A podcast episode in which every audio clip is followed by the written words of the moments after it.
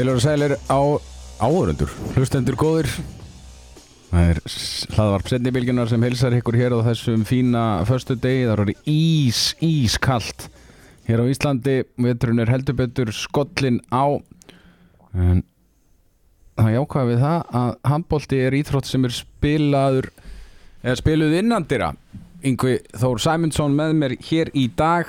Það er alltaf gott að fara handbóltarleiki Yngvi. Það stundum með maður að fara fókbóltarleiki í oktober og það er alveg jökulkallt og, og erfitt en handbóltin er alltaf að spilaður undir sömu kringum stæðum Já, það er reynda fínt alltaf að fara á, á leiki hjá mínum mönnum í, í kórnum. Það Já. er ekki á áhugjur að verðinu þar sko. En jú, jú, það er það er svona notalegt að fara fara á handbóltarleiki á aðvöndinu Heldur betur. Og uh, maður sér nú sólina bara kannski en það sem það segir manni að það styttist, styttist alltaf í stórmót þegar að myrkrið er sem mest þá veit maður að- stórmóti er á, á, að handan við hodnið Herri, við ætlum að byrja þáttin í dag, við ætlum aðeins að ræða um valsmenn sem er að spila í Evrópudeildinni. Eh, Þeir gerðu jafntefli við Ferenc Svarás 33-33 núna á þriðutaskvöldi. Stig fyrirfram á útöfelli gegn þessu liði hefði verið bara fíntingvi en manni leið eins og Valur hefði tapaleiknum eftir leik. Já, já, bara all tilfinning hvað þannig. Menna valsmenn voru konir í, í sjömörkum yfir og í, þeir voru svona tæpa 20 myndir eftir en kannski ágefni verið þá að annar leikinir, Evrópuleikinir er þeir að gefa svakalega eftir síðustu 20 myndar Það er sko 26-19 þegar það eru 42 myndur liðnar af leiknum og þau eru sjömörkum yfir tapa því niður á 18 mínútum. Uh, hvað fannst þér gerast á þessum kabla? Uh, bara þeir áttu hann átti hann mjög góða inkomi Kristoff Sorgo hjá ungistrákurinn hjá Feris Varvos Bognar var mjög sterkur og síðan náttúrulega kom hinn markmaðurinn, Borbeli, mjög góðurinn en síðan var náttúrulega rándýr þegar Benedikt Gunnar Óskarsson meðist og þurfti að fara út af í nokkra sóknir.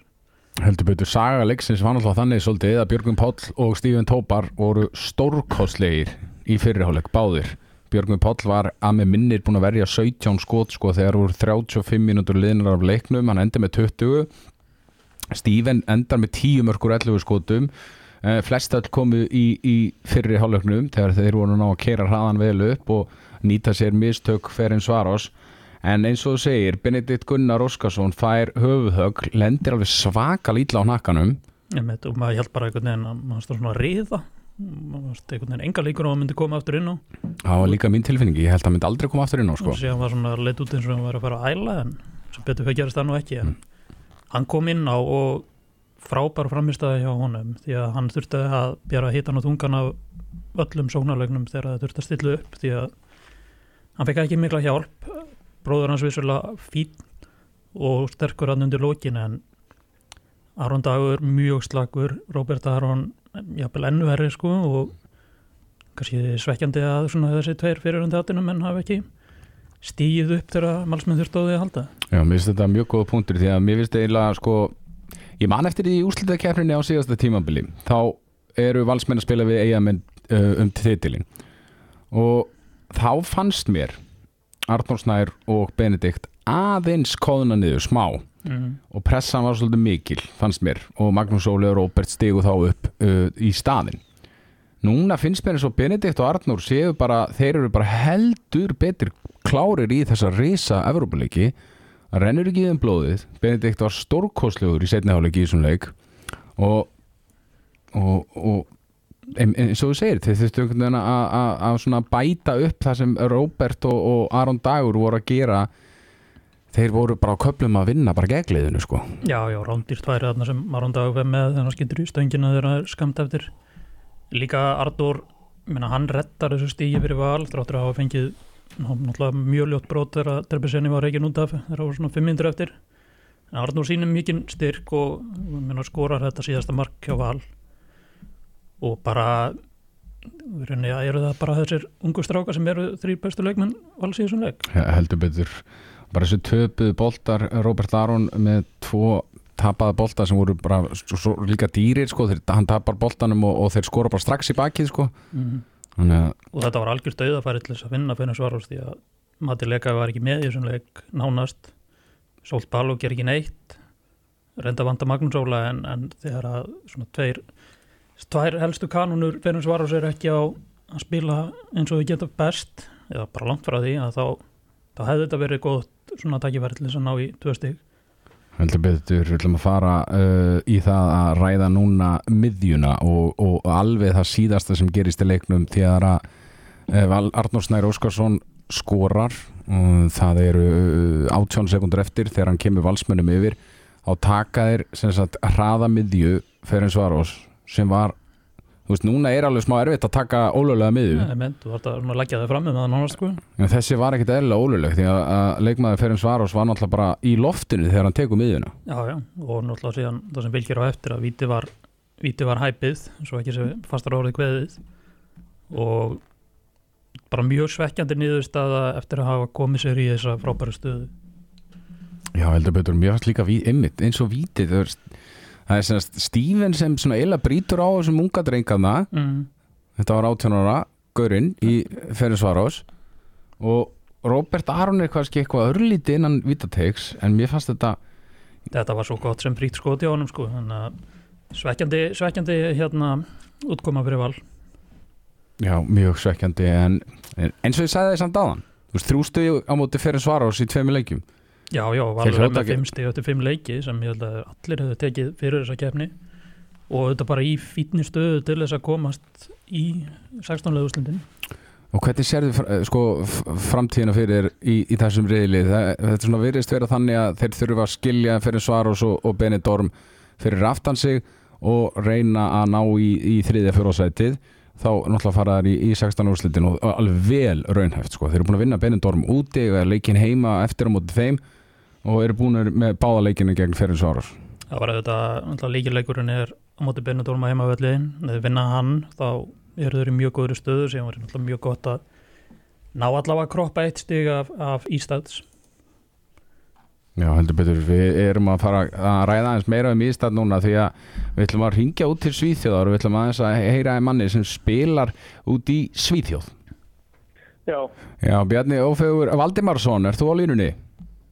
Já, blessaður. Hell og sætt Stefán Otni og Yngvi Þór Sæmundsson hérna í hlaðvarpi setni bylgjunar hvernig er, hvernig er Svíþjóð að fara með þessa dagana?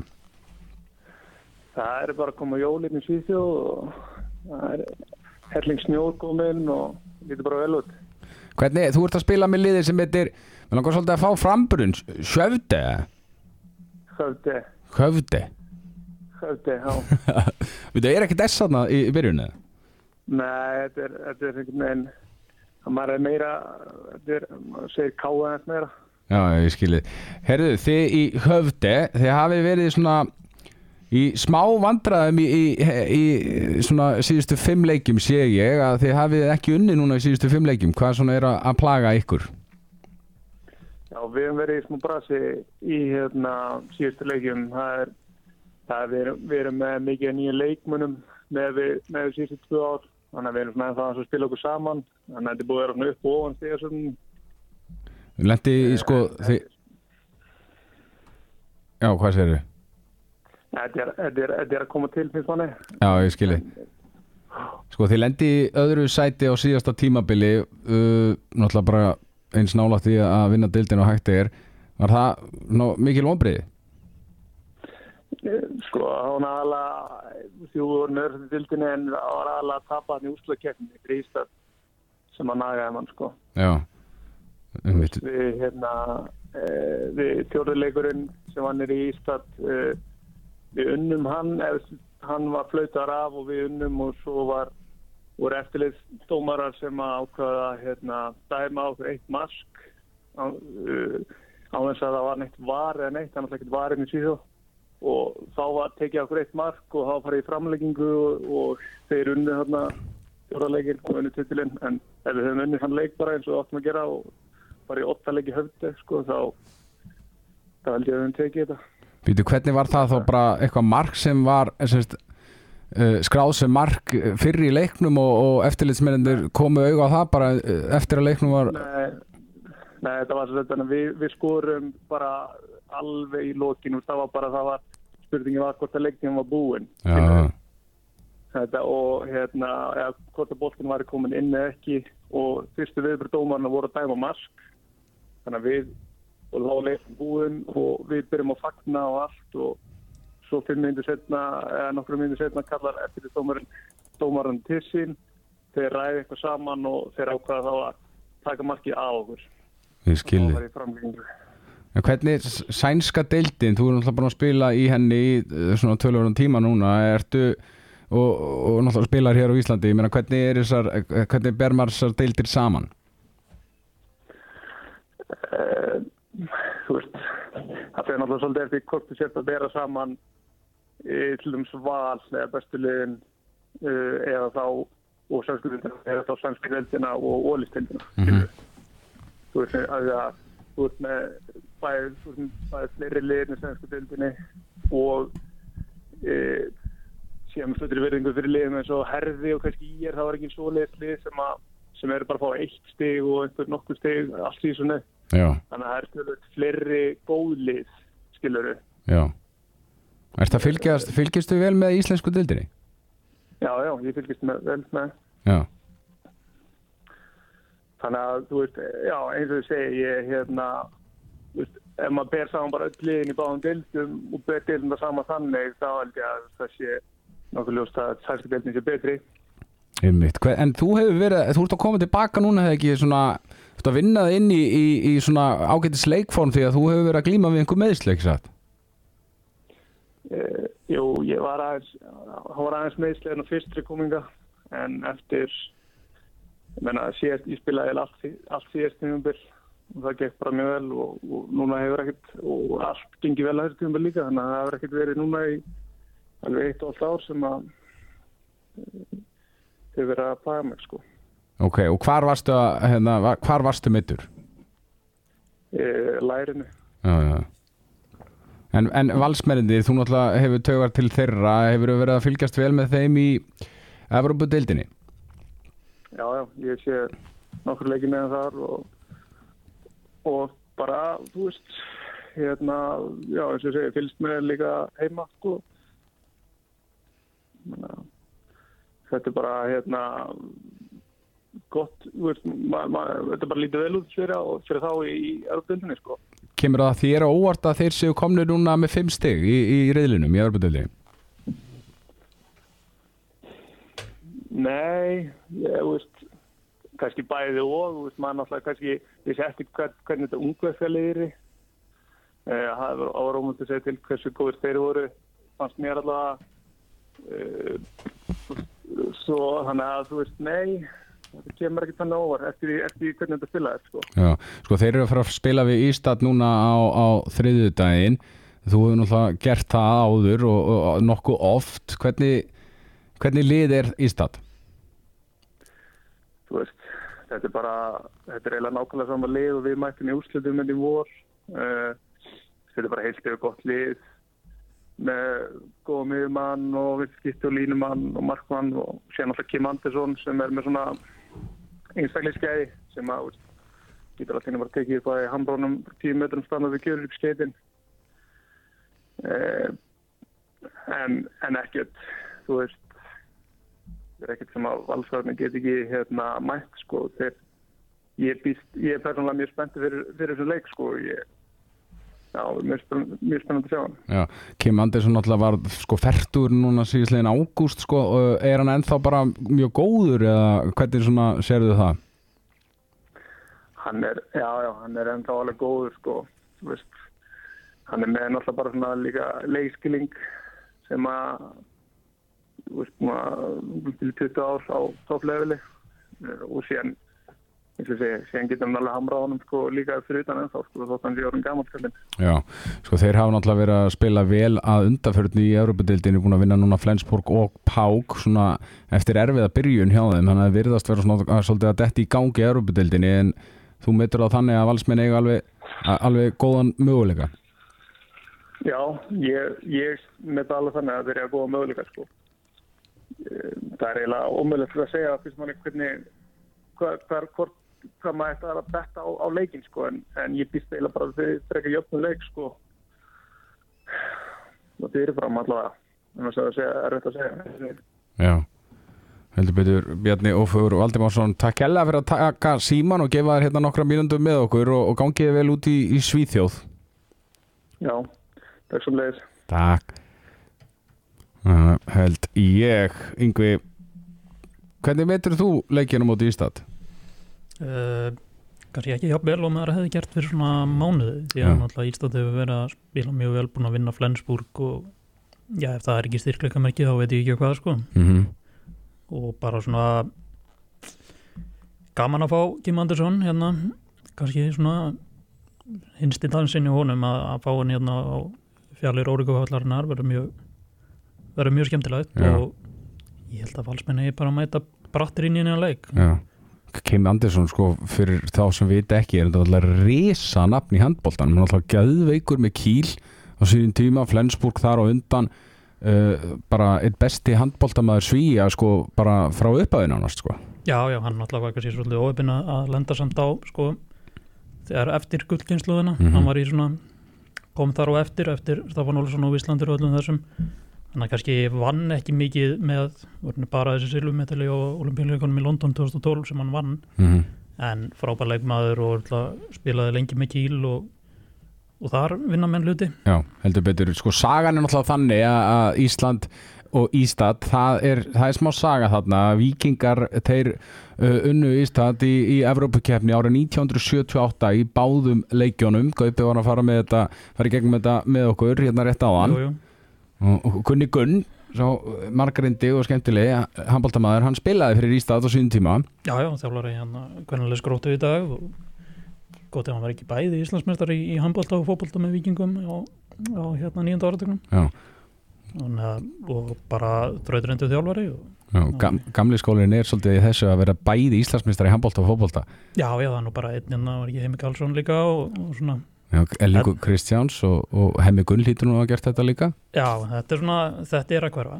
Þetta er helt betur að hverfa. Eða svo gott sem orfið Ég var eitthvað geðveitt til að sjá einhvern verða Íslandsmeistar í handbólta og fótbolta núna hérna, Elmar Erlingsson, hann er held ég sko, hvort hann sé hættur í fótbolta en þá var hann ný hættur í fótbolta. Já, já, hann var að spila með mestrarlokki þar og gott ef hann er ekki fyrirdags kilvingur líka hef ég hert Já, já svona típist, svona óþólandi típa sem er Já. góður í öllu Herri, við ætlum aðeins að hitta upp núna fyrir uh, næstu umferði í ólistildinni sem er síðasta umferðin fyrir uh, landsleikjapásana landsleikjapásana hennum vanalega sex vikur. Herri, að þessu sinni sjö. Sjö vikna pása núna. Það er eitthvað. Herri, við byrjum í kvöld. Það er klukkan 20.00 það er afturölding Valur. Risalegur Ég- og bara afturhalding með sigri getur opnað tóparötuna upp á gátt og ef það er einhvern tíman tækifæri til þess að vinna val þá ætti það að vera í kvöld mm -hmm.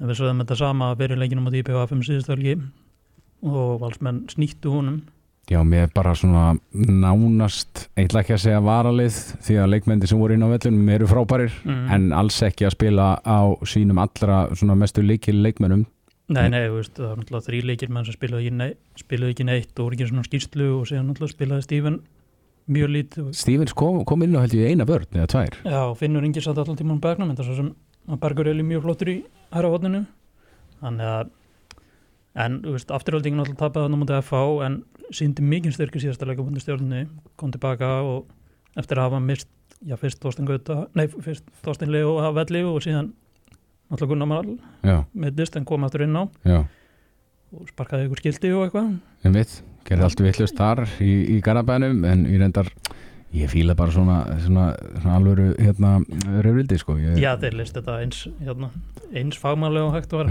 Já, en sko Þorsteinn Leo, einmitt, það er bara spurning hvort að sko hann fekk að mér virðist höfu að við náðum ekki alveg góð myndum að þessu en svona virðist það að fengi höfuhög Já, hann hérna fekk höfuðhögg og ég talaði við hann eftir þetta í byrjun vikunar og hann svona, hann fekk höfuðhögg fyrir á tímabilinu, þetta er ekki alvarlegt að honum fannst, mm.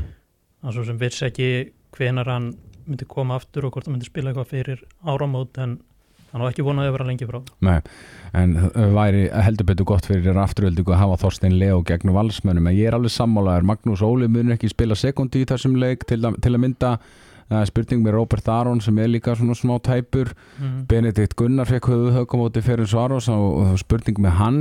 En Já, ég held já. reyndar með skilst að hann verði með. Og Arnó náttúrulega fekk hérna líka hansi væna byltu. En kannski með afturhald líka að það er mjög slemt fyrir þá að ef Þorsten Leo er ekki með því að þeir eru ekki með já, nánast ekki neina breytanda fyrir utan Nei, á réttundum, réttundum mútuspilurum þannig að ég veit ekki hvort er hvort að Gunni Malver er á miðjunni Átni Bræði hvort að Bergvin geti tekið eitthvað tótt í sóknu já heldur betur, en það sem ég verið svona að taka út úr þessum tíma hjá valsmönnum þeir eru einhvern veginn að sigla helviti vel í gegnum þetta. Já, já, ég menna þeir eru í, de, sko, í deildinni, þú veist, þeir eru bara þeir vinna alla leiki, mm, en þeir eru að spila eins og atvinnumann á lið, eins og staðan er núna eiga þennan leik svo er það IBF í byggardum og svo er þetta bara búið, þeir eru búin að fara alveg ríkala fagmannlega gegnum deildina sko. já, já, veist þeir eru ennþá bara þeir eru ennþá í bara frábæri stöðu í hérna heima og svo sem í Európa-deldinu líka og já, þreytast með þetta. Það allavega verðist ekki býta mikið á þá sko. Nei.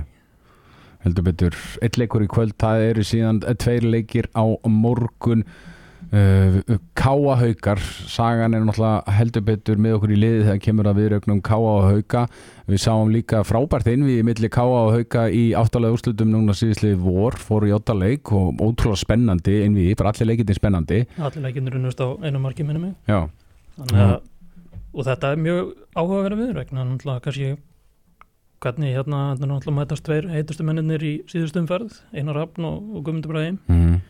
Einar Rafn náttúrulega með þessi 17 mörg á móti gróttu og Guðmundur Bræði koma hvað 25 á móti herði. Já, þannig að það er bara spurning hver, er, hvor verður ofan á í þessum leik en Guðmundur Bræði er búin að vera frábær síðan Áskjörður tók við. Mm í fjórun leikjum síðan hann tók við með ykkur tæp 10 mörga meðaldeli leik og það bara nánast allt inn í hjá honum. Leik, fyrsta leiknum á móti Val var hann semst, mid, veikur eða mittur í bakjunni, ég man nú ekki alveg hvort hann tók rosalega lítið þátt í þeim leik. Já, spilaði ekkert í honum. Nei, hann var ekki á skýslunni sinni, nei. Uh, uh, síðan eru það káamenn sem missa Einar Birgir Stefánsson uh, út af í síðasta leik gegn gróttu, mis, misteik sig hörmulega illa. Mm -hmm. og ég mér finnst það mjög ólíklegt að hann spili meira á tímabilinu ég hef ekki fengið fréttir af þessu en hann er allan ekki brotinn. En það gæti bara mjög mikið verið slítið þetta, sko, eftir, þessi, eftir þessi meðsli sko. og kannski þá náttúrulega fær ungistrákurinn Hilma Bjarki starra hlutverk og erum gaman að sjá hann hvort hann valdi því og síðan náttúrulega með hérna besta handklæði við var að deildarinnar. Harald Bollaði, Já. hann geti kannski þurft að koma inn á hann var hann að sleppa tækina á handklæðinu hann setti, hann setti eitt marka mútu gróttu Já, já, þetta er alveg notaðuleik maður en hann er frábær á bekknum Já, mjög mikil stemningsmaður. Hörður, hörður IBVF áttu nú að fara fram í þessari umferði það er búið að fresta þeim leik þangað til í janúar því að eigamenn eru núna að, að keppa í Evrópu keppni þannig að það verða bara fimm leikir í þessari tóltu umferð. Síðan klokkan 6 á lögadeginum í beinni útsending á stöð 2 sport.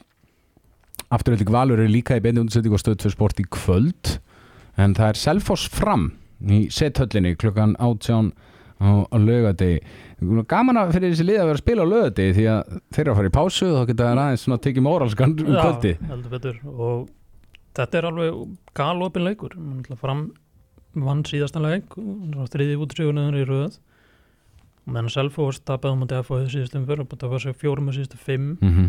það er kannski svona aðeins meiri pressa á, á selvesingum og þeir eru svona já, reyna svona að halda sér inni í, í þessum topp efstu sætunum Mm -hmm.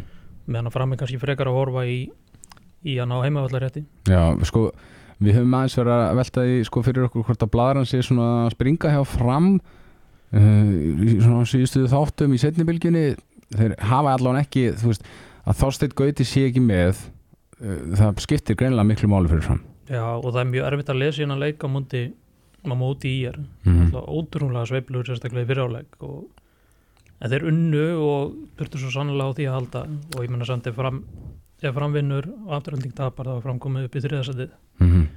sem ég held að þeir myndu hefðu alltaf tekið fyrir að vera í þeirri stöðu eftir fyrirlutan sko. Já, bara klálega. Sammi klippari hérna sem klippir uh, leikina á stöðtöðsport fyrir setnibilgjuna bæði kvenna og kalla hann spáði fram þriði á sætinu fyrir tímabil. og hafði eitthvað fyrir sér í því? Nei, hann hafði ekkert mikið fyrir sér held ég en, en, en hann er hann er ekkert alveg punktjúpur í þessum fræðum en hann allan spáði því þannig og hann er búin að tala um þetta allt tímabilið. Já, já, fram er búið að stótt að hafa komið smá dífa hana þá er þetta búið að vera mjög mjög jákvætt og veist, ef Þorst Gauti hefði ekki hérna hefði ekki dottið út að þá hver veit hvort þeir væru enn og var Já, sást hann skjóta á marki gegn ég Þorstein Gauta, uh, já, Þa- það var átakanlegt sko. já, hann er með mjög sérstakann sko stíl Já. en þetta bara þetta leita ekki vel út sko. Nei, hann á bara að vera kvíla núna sko. já, hann, hann á ekki að vera að spila sko. Þetta, hún, Ég sá bara hvað hún fannst vond að skjóta á, á markið sko. og það eru líka mikilvæg verkefni framöndan í honum sko. Já, heldur betur, landsliði að komast í að reyna að vinna sér sæti í finnskalansliðinu Já, ég veit ekkert um finnskan landsliði reyndar. þeir eru búin að skýta upp á leikjunum sínum í undakefni EM og fara aldrei á stórmót en, þú veist lands, að vera landslismöður það er saman hvað það er það er, það er eitthvað. Já, og ég meina að það getur náttúrulega opnað líka opnað ykkur að dyr fyrir hann jafnvel auðvitað í aðurumennsku já, já, klálega hann, getur, hann er alveg það góð leikmar hann getur alveg farið út í uh, aðra deildina í Danmörku eða, eða Svíþjóð. Þýs- já, Svíþjóð eða farið til Sviss, Östuríkis eða eitthvað slags já, já, ég held að sé líka hvort hann er fættur 1995, hann er 27 ára. Og mm hann er ekkit það er nóg eftir hann Já, heldur betur. Aðaleikurinn okkar á mánudagskvöldið er viður stjarnan og FH uh, á stöðtöðu sport í beinni á sjálfsögðu og svo í kjölferðið setnibilgjan og er náttúrulega sérstakur jóla þáttur setnibilgjanar á mánudagskvöldið þannig að það verður mikið húlum hjá okkur. Þetta er náttúrulega mjög aðteglusveru leikur, stjörnumenn uh, hafa bara valdið vonbröðum á tímabölinu mm. F-fáingar að samaskapi heitasta liðið í ólisteildinni í dag. sjóð þetta er náttúrulega uppgjör æfingafélagana í RS Steinar Ardals og, og Patrik Sjónussonar Já, þetta vissi ég ekki. Nei, hann náttúrulega, auglýsir Steini eftir hvern einasta leik með RS-brúsan sinn Já. en þetta er einhver rosalegur æfingahópur með að- hvort að Heimi Guðjónsson þarna líka og Hötti Magg og það er ekki tölu vildisann sko Nei, þetta eru kanónur, sko. Það er mjönar fimm stigum á milli liðana í deildinni. F-fangur eru í öðru sæti með 18 stig, en stjarnan er í sjötta sætur með 13 stig. Patrik Jónusson og hans menn, þeir sætta sig ekki við það að vera sjötta sæti í ólistillinu með við hópin. Ég trúi því ekki. Nei, og sérstaklega ekki með við byrjununa því að náttúrulega unnu FH mjög samfærandi í fyrstu umferð Mm -hmm. eftir það hafa hábúndarnir ekki verið margir það er kannski svona skrítið þegar maður er að reyna þessi tólfræðina hjá stjórnunni alltaf tölur eru bara allt í lagi, þeir eru að skora ágætlega í kringu 30 mörg, þeir eru ekki að fá þessi mjög mikið, markvæslan er á uppleið komin upp í 30% ekki að tapa boltanum á oft. Skotendingin allt í lagi.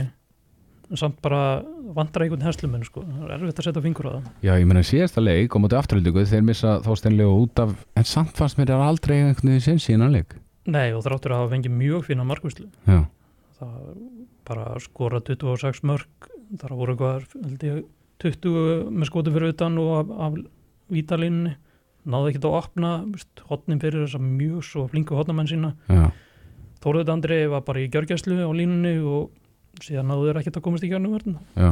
Sko, þessi tólta umferð er eiginlega geggju því að við erum búin að fara yfir alla leikina hinga til nema frutan hörður íbjá sem fer fram í janúar.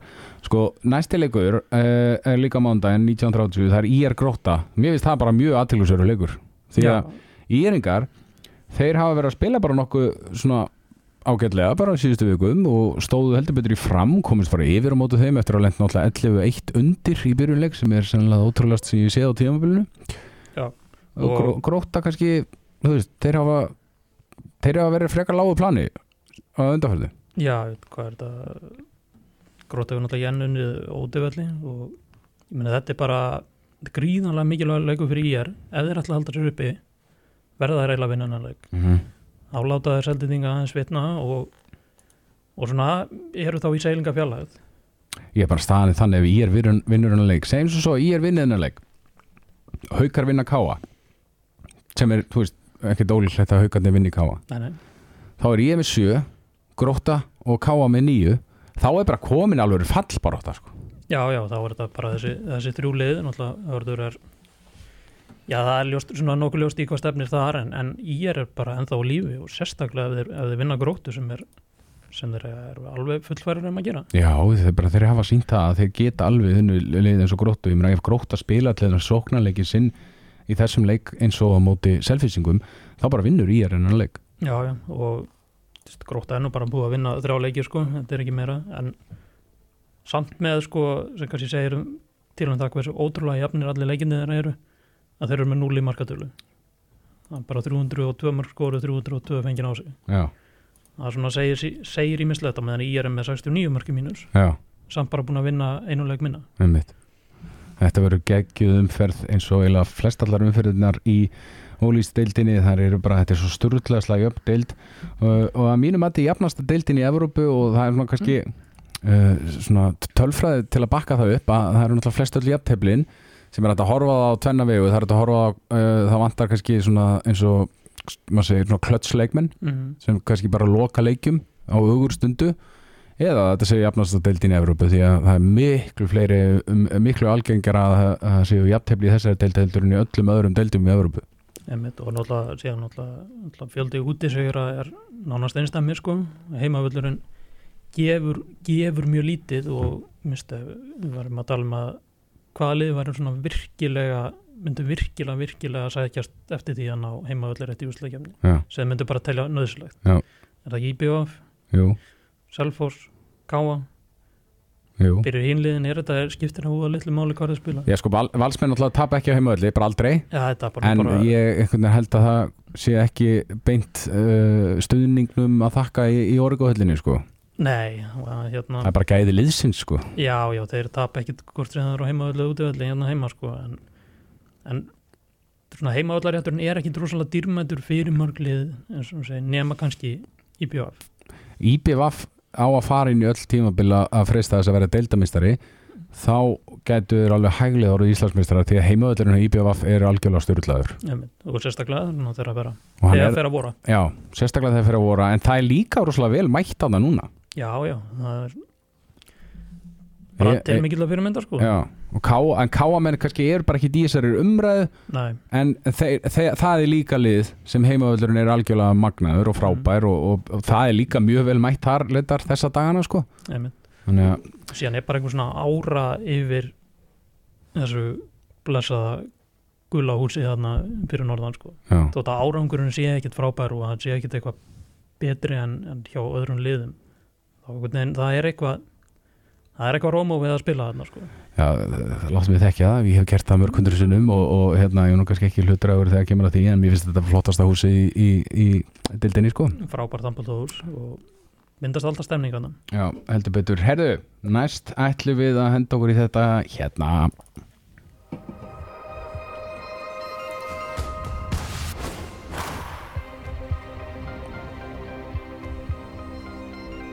Leikmennir okkar atvinnumennir okkar úti í Evrópu með bestu handbóltamöðunum í heiminum og við erum bara geggjaðir í handbólta það verður að segjast alveg eins og er. Byrjum að mér finnst bara alltaf gaman að byrja á Gísla Þorgeri og Ómar Inga því að þeir eru náttúrulega ég meina þetta eru bara tveir af heitustu handbóltamönnum í heiminum í dag.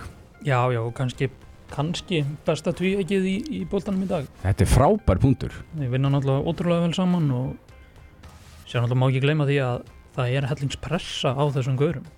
Já, varamadurinn hans Ómas er Kai Smith já, sem er, var eitt markaðasti leikmarinn á EM hér á leiðin til Flensburg. Já, hann fær með alla mínútu. Nei, ef Gísli stendur sig ekki þá geta þeir hent Marko Bersjak eða Filip Weberinn á miðina já. Þetta eru rosa profílar sko. Og náttúrulega líka pressa á þessum gaurum í landsliðinu. Já, það sem náttúrulega bara hægri skiptin að býða í röðum. Já. Herri, en allan að Mætiborg, lið Gísla Þorgeirs og Ómar Singa, þeir unnu GOG í meistaradeildinni 36-34, Gísli Þorgeir með 8 mörg, hann skoraði 6 mörg í fyrri hálfleik, hann er með 2 stóðsendingar Ómar Ingi skoraði 11 mörg og 5 stóðsendingar þú veist, það er einhvern veginn mjög erfitt að vera með betri tölfræði í handbólta heldur en þessi tveir eru að sína viku eftir viku. Ótrúlegu stöðuleiki og nú ætla að komið að þessu þessum árlega höfuverki á okkur íþróttafættamennum að velja íþróttamann ásins Já, uh, Ómar Ingi kemur nota auðvitað sterklega til greina og kemur hortið á nefnir ekki valinn en Gísli Þorgir er að fara pappans komst hæst í annarsætið það er spurning hvort að hann náði því núna. Já Gísli Þorgeir verður alltaf á topp 10 ég myndi halda það. minnstakosti top 5 Já, hann er bara, hann er alltaf búin að vera algjörlega magnaður. Náttúrulega Eh. náttúrulega mistið þarna aðeins í, á EM en þegar að vera skeiða hérna, gerði hún grikk en, en bara þessi sittni hluti ásins á honum algjörlega frálit Veiran skæða maður. Ég þurfti að fara í bólusetningu í síðustu viku út af þessari veiru út af HM Já, hann bara- IOF tekur, tekur veruna en þó mjög alvarlega. Já, það er bara vonandi að menni lendi ekki einhverju einangrun þar. Ég var stóla, ég bara trúi ekki að, að það geti gæst Heru, Teitur Örn Einarsson skoraði eitt mark þegar að Flensburg vann Benidorm í, í þessum riðli sem valsmenn er að spila í 38-32 Flensburg á toppnum í, í riðlunum uh, Gummersbach sem Guðjón Valur Sigursson er að þjálfa þeir unnu Erlangen 37-31 á útivelli. Og Lý Stefán alltaf að, að aðstofa að þjálfa þar Erlangen. Uh, Hákon Daði og, og Elliði Snæði Viðarsson báðir algjörlega frábærir í þessum leik. Þeir gera, gera báðir sjömörk og Elliði Snæði er sjö finnst með það bara geggjaði frétti fyrir íslenska landslið Já, já, og náttúrulega líka fyrir Hákon að, þetta skulle koma á sama tíma og Stífin er með þennan stórleika móti, móti Feirins Varvors. mm -hmm. Það er náttúrulega þessi mennur í samkefni og ég það er bara reynilega og náttúrulega orðið líka að fá þetta hérna annað sæti í, í vinstra hodninu og bara gaman að sjá að Hákon Daði sé komin aftur á fulla verð eftir, eftir erfið meðsli. mjög, mjög gaman og alltaf bara alltaf erfitt að koma tilbaka eftir crossbandaslit Herðu, svo förum við hérna í þetta hér næst Viktor Gísti Hallgrímsson. Hann meiðist á Olboa gegn Celestat í fransku deildinni í vikunni. Þú rættir við hann yngvi. Hver svona staðan á honum er? Hvernig lítur þetta út? Hljóði var nú bara bísna gott í honum, hann var nú ekki verri en það, hann var nú bara spilaði nú bara FIFA, meðan við vorum að tala saman sko. Mm en þetta var bara drursömu meðslu og hann fekk í haust. Fekk bara skot í útréttan útrétta hendi og er auðmur en hann hann var svona nokkuð HM er ekki að Nei, það var svona, það var útgangspunktunum sko. E, e, Viktor Gísli hann er svona kannski einn af þremur mönnum í íslenska landsleginu sem bara verður að spila. Ásamt ég myndi segja Ómari Inga og ég myndi alveg segja bara svona leitóða hæfileiki uh, presens, þá myndi ég líka segja Aron Pálmarsson sko. já, já, og ég myndi aldrei ekki vilja vera án Gíslan Þorkis eins og hann er að spila núna Nei, sérstaklega eftir tíðindi í vikunni sem við komum, komum með að bara núna því að Haugur Þrastásson Já. meitist í leik gegn Pek Sekket í meistardeldinni með Kielse uh, mér hefur sennilega aldrei liðið af nýtla þegar ég sá bara meðsli á vellinu Já, já, ég held að allir handbólt áhuga menn, allir selfinsingar og allir Íslendingar hafi, hafi grátið með honum sko, þetta var ræðilegt að sjá og kannski það sem svona átakarlegasta myndin var af Já. þegar hann grúfið sér niður með, með andlitið í höndunum mm. Þess, hann vissi alveg hvað var, hafi gerst þarna Já. og náttúrulega búin að koma eftir annu krossbandaslið, búin að koma ábúðslega sterkur tilbaka alltaf að vera betri og betri og að spila frábærlega í þessum leikamóti Pixarskritt og síðan að lendi þessu enn og aftur. Taland náttúrulega hefur haft óbáslega mikla trú á hann því hann endur semur við hann þegar hann lendir í fyrri meðslánum já já og það er nú kannski svona bót í máli að hann er með er með samningarna í nokkur ári viðbót. Og það er hérna kannski erfitt að á eitthvað, finna eitthvað jákvæða punta núna en þú veist að kannski eina sem Gísli getur gert er bara að horfa á hvernig nei, hvað Haukur getur gert er að horfa á hvernig Gísli Þorgir hefur komið tilbaka.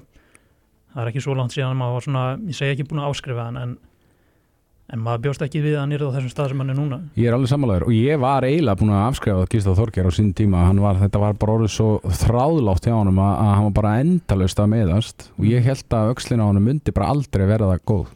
Nei, nei, hún er svo sannlega orðin það en með haug hann er bara 21 árs.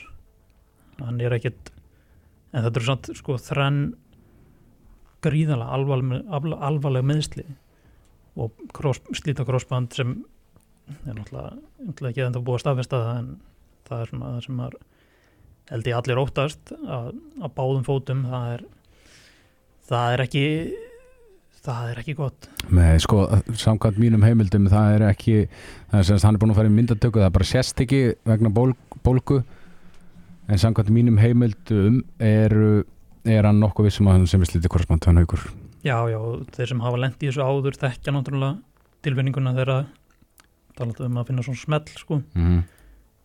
þeir vita þetta best allra sko.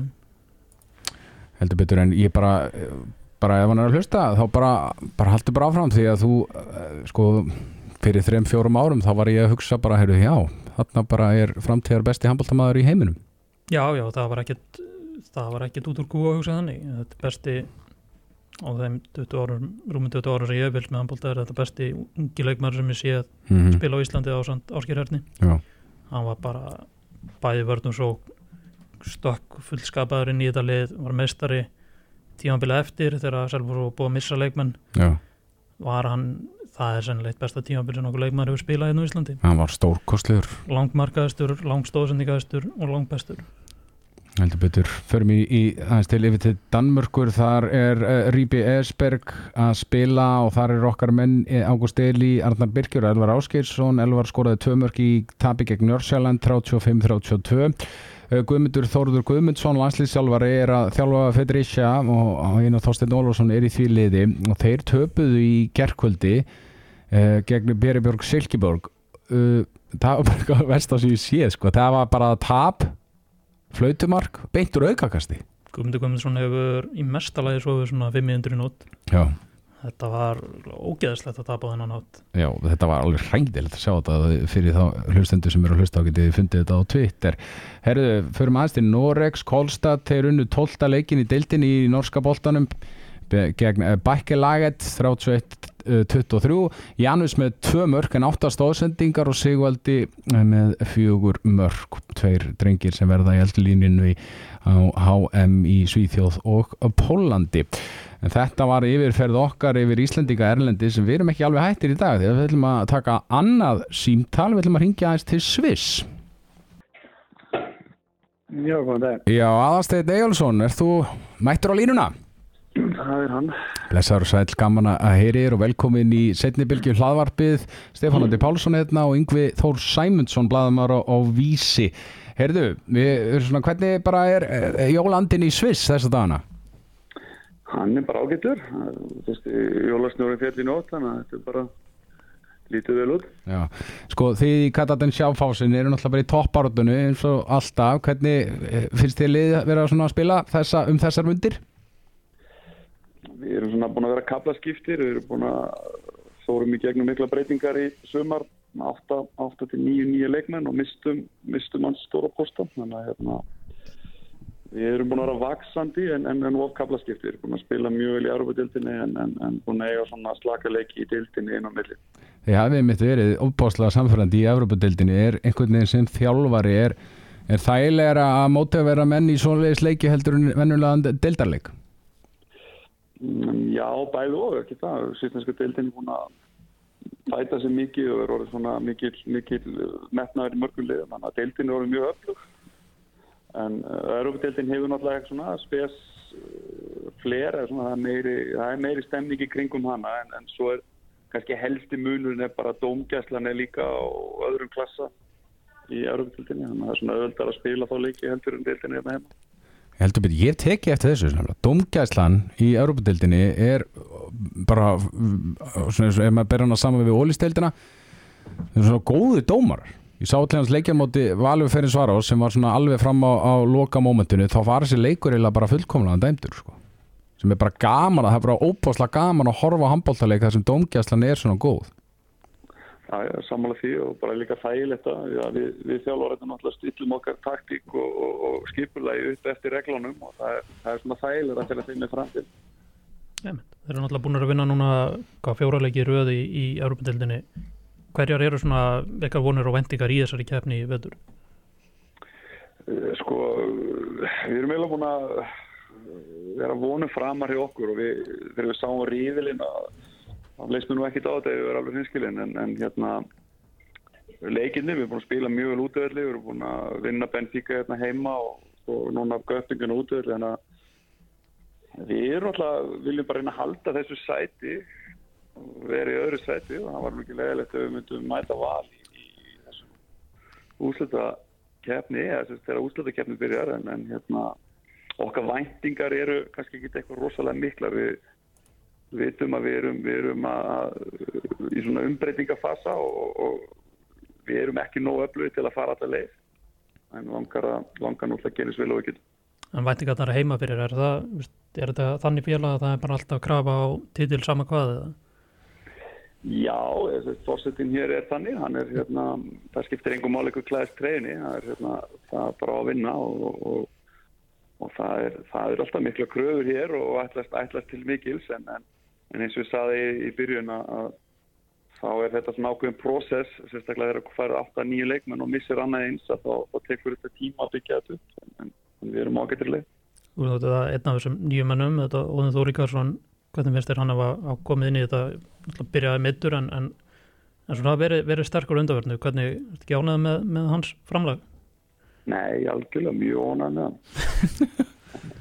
Nei, hann, hann náttúrulega var frábær í undirbúninum og kom mjög tilbúin inn í þetta og var ótinn að lendi í þessu fyrsta broti og hérna kom náttúrulega með látum svo inn eftir það, því að með 10-13 færski leik eftir það en hérna svo kannski smá hóla eftir, eftir þessi meðsli, hann voru að spila mikið og hérna hann, hann, þeir liðinur farin að manndekka nonnast þannig að hann fær, fær engin, fær engin færi í hóðnum en að móti kemur hefur opnast meira í, í kringum hann. Hann er bara frábær leikmaður og frábær karakter.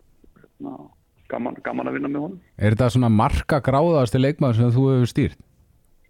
Ég var með Bjarka Elísson líka. Já, hérna, það er svona á Hannesjón Jónsson. Þetta er svona erfitt að gera þarna milli sko, en hérna ég held að hann er með þetta nef fyrir, fyrir að skora og honum, honum, honum finnst þetta mjög skemmtilegt. En, það sem er gaman í þessu að mér finnst líka mjög gaman sem að skora þannig að, þannig að við erum saman í þessu. Vistu svona, náttúrulega stýttist í, í HM, svona, ertu vongóðu fyrir hansönd að hann verði í, í lokaöfnum eða hjá okkur?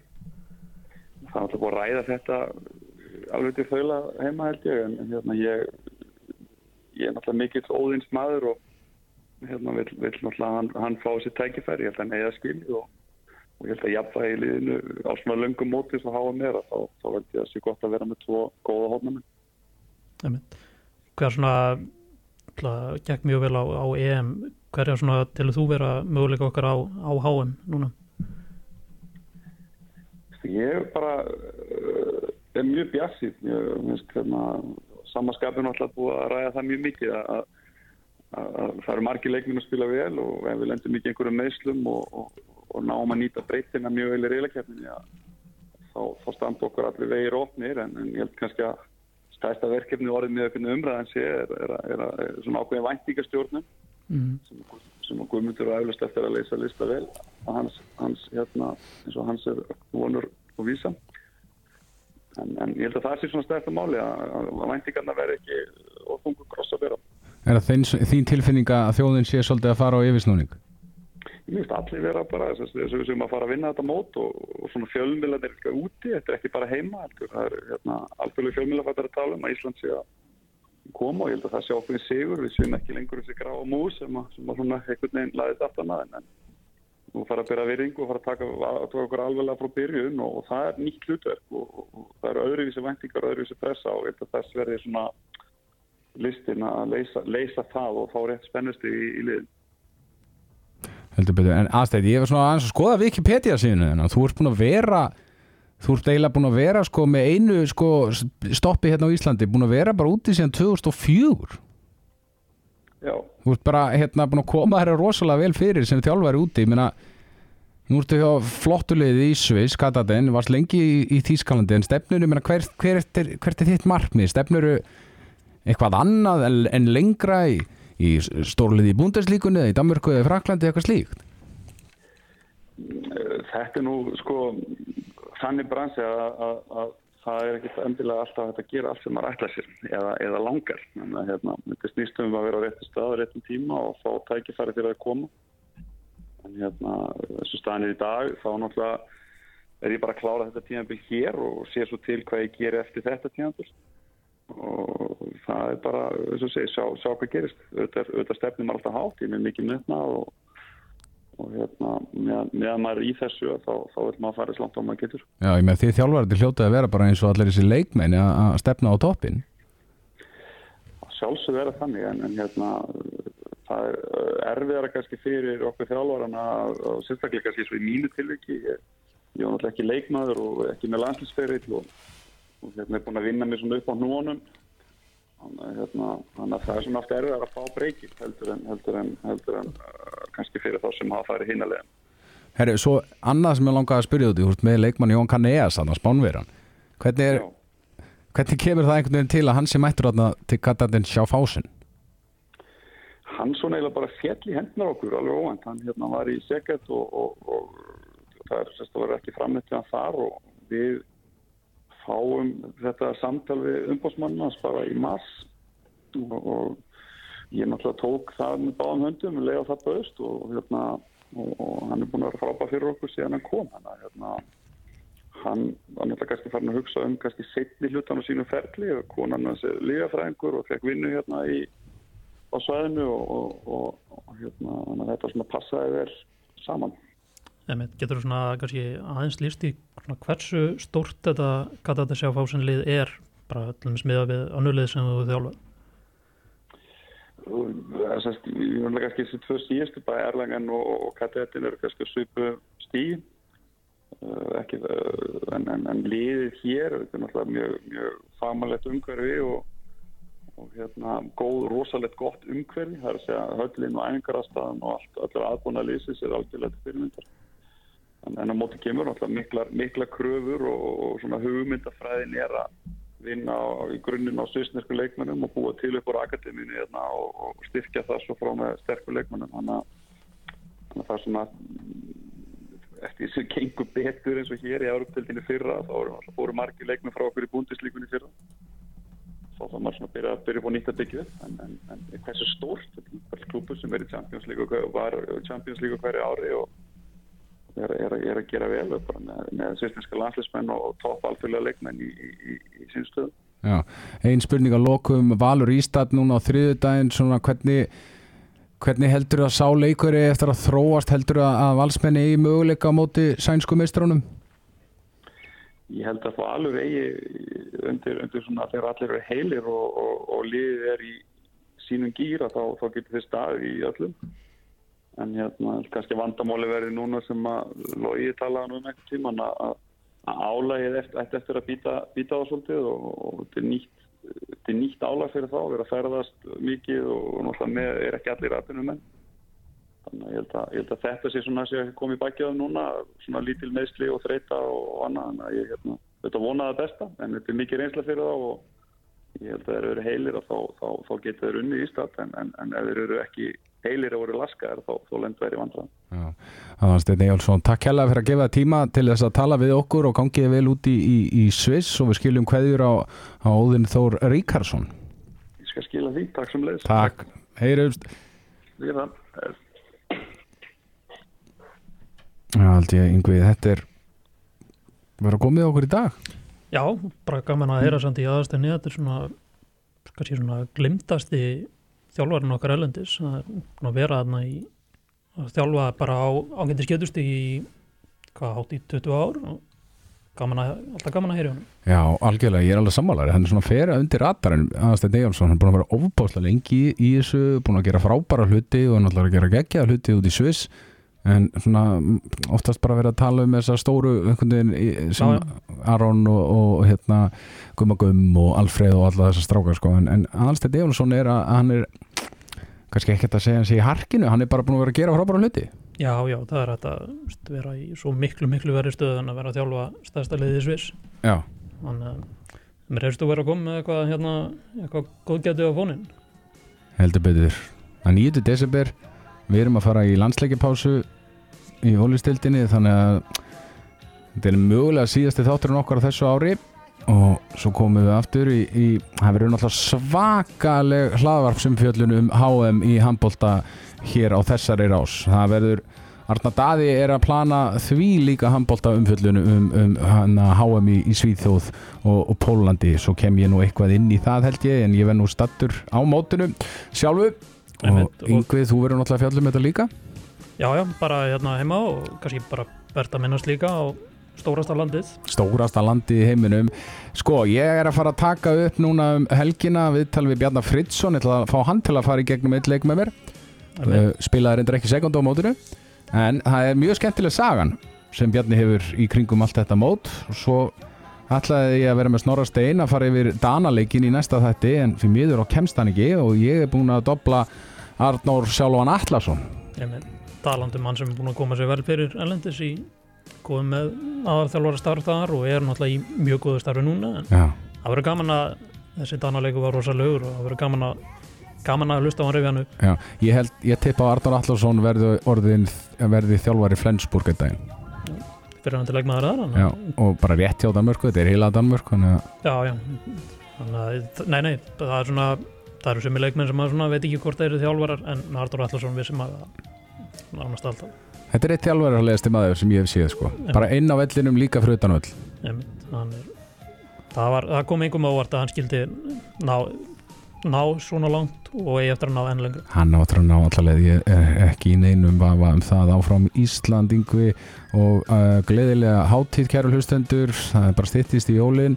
Við erum að fara í þessa pása aðeins fyrir en vanalega en, en ég minni á, á jólaþátt setnibilgjunar á mánudagskvöldið. Við sendum naflan aðeins í smá vettfangsferð og alls ekki missa af því því að það er gjörsamlega stórbrótið efni, ég er búin að sjá það. Gaupi og naflin, feðgar og ferð á mánudagskvöldið uh, síðan mæta Jóhann Gunnar Einarsson Þorgrumir Smári og Lói Gersson og það verður mikið húlum hæ hjá okkur á mánudagskvöldið, alls ekki missa því en ég ætla að gefa nafna mínum Hilmar sinni aðeins orðið. En við sjáumst á, eða heyrumst á, á nýju ári